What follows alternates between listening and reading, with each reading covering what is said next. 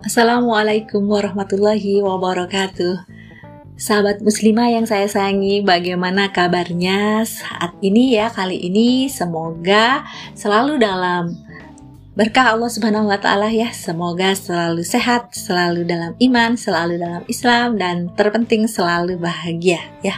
Saya Sita Suyami ingin mengajak sahabat muslimah bincang-bincang santai ya tentang arah dakwah ya. Uh, apa nih arah dakwah ya? Serius gak sih ya? Susah gak sih ya?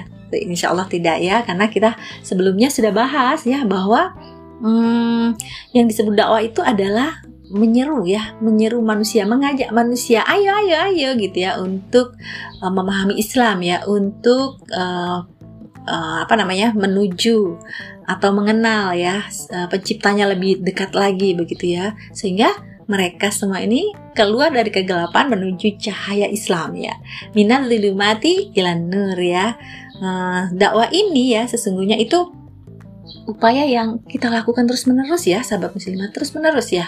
Terus menerus ya kita lakukan untuk apa ya? Untuk merubah pemahaman-pemahaman ya. Kemudian perasaan-perasaan ya. Dan akhirnya sampai kepada tingkah laku yang tadinya jahil ya. Yang tadinya hmm, tidak sesuai dengan Islam gitu ya. Hmm, menjadi sesuai dengan Islam menjadi Islami ya.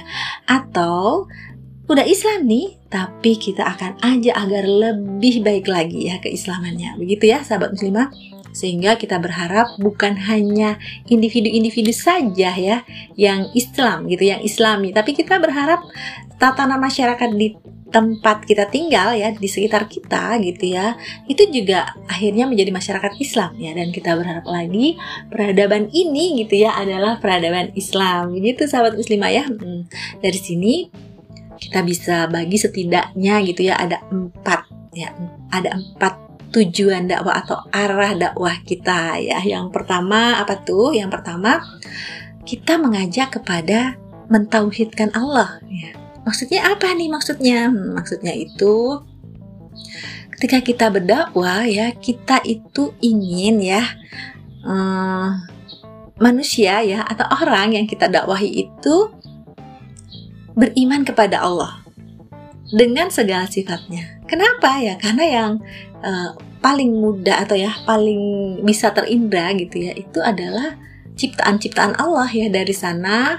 Kemudian kita ingin eh, orang-orang ya atau manusia ya atau uh, teman-teman kita atau siapa pun yang ada di sekitar kita itu uh, meyakini bahwa Allah itu ada ya dengan segala sifatnya. Dari keyakinan uh, kepada Allah ini ya maka akan muncul ya keimanan keimanan kepada malaikat ya, kepada Al-Qur'an ya, kepada Rasulullah ya, kemudian kepada kitab-kitab yang lain ya, gitu kemudian kepada hmm, hari akhir dan kepada kode-kodar ya. Atau bahasa lainnya itu uh, kita akan mem memperkokoh akidah kita gitu ya. Keimanan yang enam itu ya. Nah, dengan kata lain uh, bahwa dakwah kita itu yang utama adalah untuk menanamkan kembali, menguatkan kembali kalau memang sudah berislam ya tentang hmm, akidah Islam ya begitu. Kemudian yang kedua apa nih? Yang kedua, yang kedua eh, kita ingin ya eh, dalam dakwah itu menjadikan Islam itu sebagai rahmat ya seperti uh, firman Allah di surat Al-Anbiya ayat 107. A'udzu billahi minasyaitonir rajim wa ma arsalnaka illa rahmatan lil alamin ya. dan tiadalah kami mengutus engkau Muhammad melainkan untuk menjadi rahmat bagi semesta alam hmm, ayat ini menunjukkan bahwa ketika Allah mengutus Rasulullah di tengah-tengah uh, manusia begitu ya uh, dengan syariat Islam tentunya uh, itu uh, sesungguhnya bukan untuk Rasulullah sendiri atau orang-orang di sekitar Rasulullah saja gitu, tetapi uh, syariat Islam itu ternyata begitu ya um, untuk seluruh manusia, rahmat untuk seluruh alam ya begitu ya. Dan uh, dakwah Islam itu ya dengan menegakkan syariat Islam itulah ya sejatinya gitu ya. Ketika syariat itu diterapkan nanti akan nampak, akan muncul gitu ya kemaslahatan-kemaslahatan dari syariat Islam yang ditegakkan tadi ya uh, dan menyingkirkan kemudorotan-kemudorotan ya seperti tadi ya seperti cahaya yang menyingkirkan kegelapan seperti itu ya. Nah itulah yang kita ingin uh, apa uh, arahkan ya dakwah kita uh, ingin ingin ke sana begitu ya. Kemudian yang ketiga, kita uh, uh, menjadikan dakwah kita itu um, agar ya manusia itu menjadikan Islam itu sebagai pedoman, sebagai way of life gitu ya, bukan hanya sekedar uh, apa ya um, ibadah ritual begitu ya, tetapi uh, kita ingin uh, keimanan kita ya gitu uh, kepada Islam ya. Berislamnya kita itu menjadikan semua aturan Islam itu mengatur segala aspek kehidupan kita. Jadi kalau mau gini uh, di dalam Islam apa sih hukumnya begitu ya? Uh, boleh nggak ya? Uh, halal atau haram ya? Nah seperti itu ya. Uh, ini sesuai dengan firman Allah di surat Ali Imran ayat 85 ya. A'udzubillahi minasyaitonirrajim. Waman yabtaghi ghairal islami dinan falay yuqbala minhu wa huwa fi wa huwa fil akhirah minal khasirin ya. Dan barang siapa yang menjadikan uh, ghairul Islam ya selain Islam dinan sebagai din sebagai sistem hidup sebagai way of life-nya gitu ya falayuqbala minhu uh, maka sekali-kali tidak atau selama-lamanya tidak min uh, yukbal ya tidak akan diterima ya minhu darinya ya.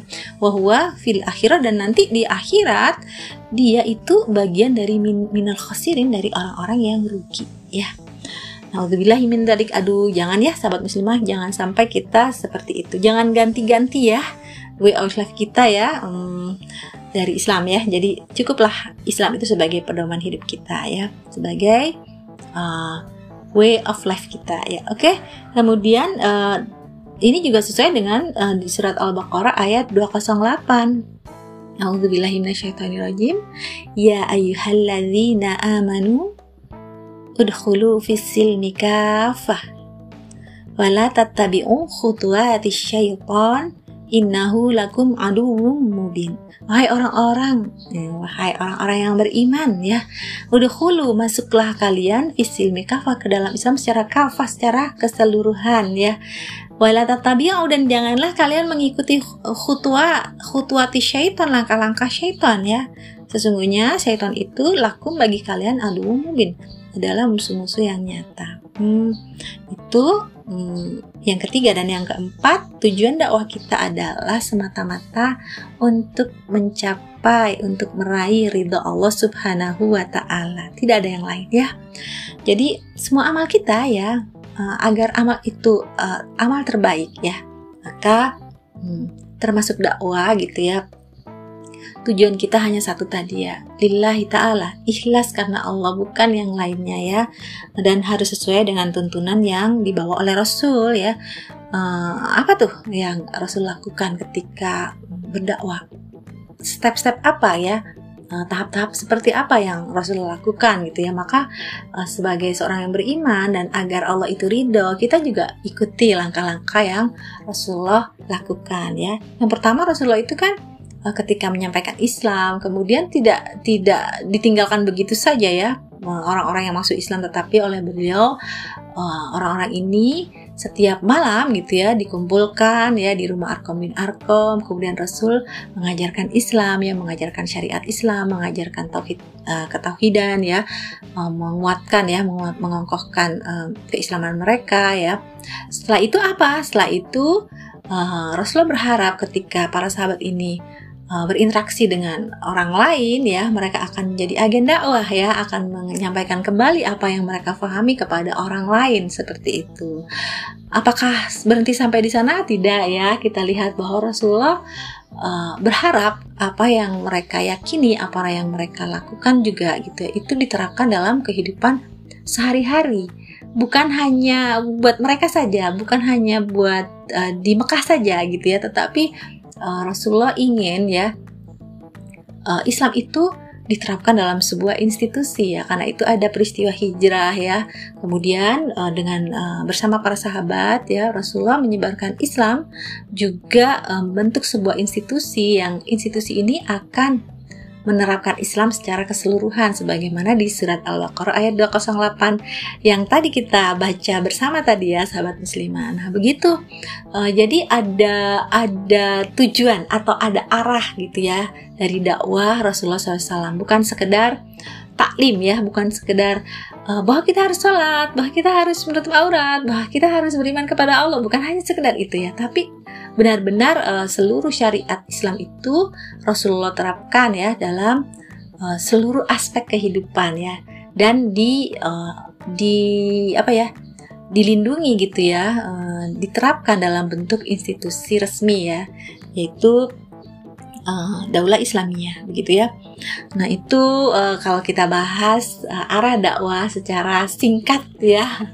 Uh, tapi insya Allah uh, saya berharap ya teman-teman atau sahabat-sahabat muslimah bisa menarik benang merah ya dari pembahasan kita uh, dua hari yang lalu ya. Mungkin itu saja ya bincang-bincang uh, kita kali ini.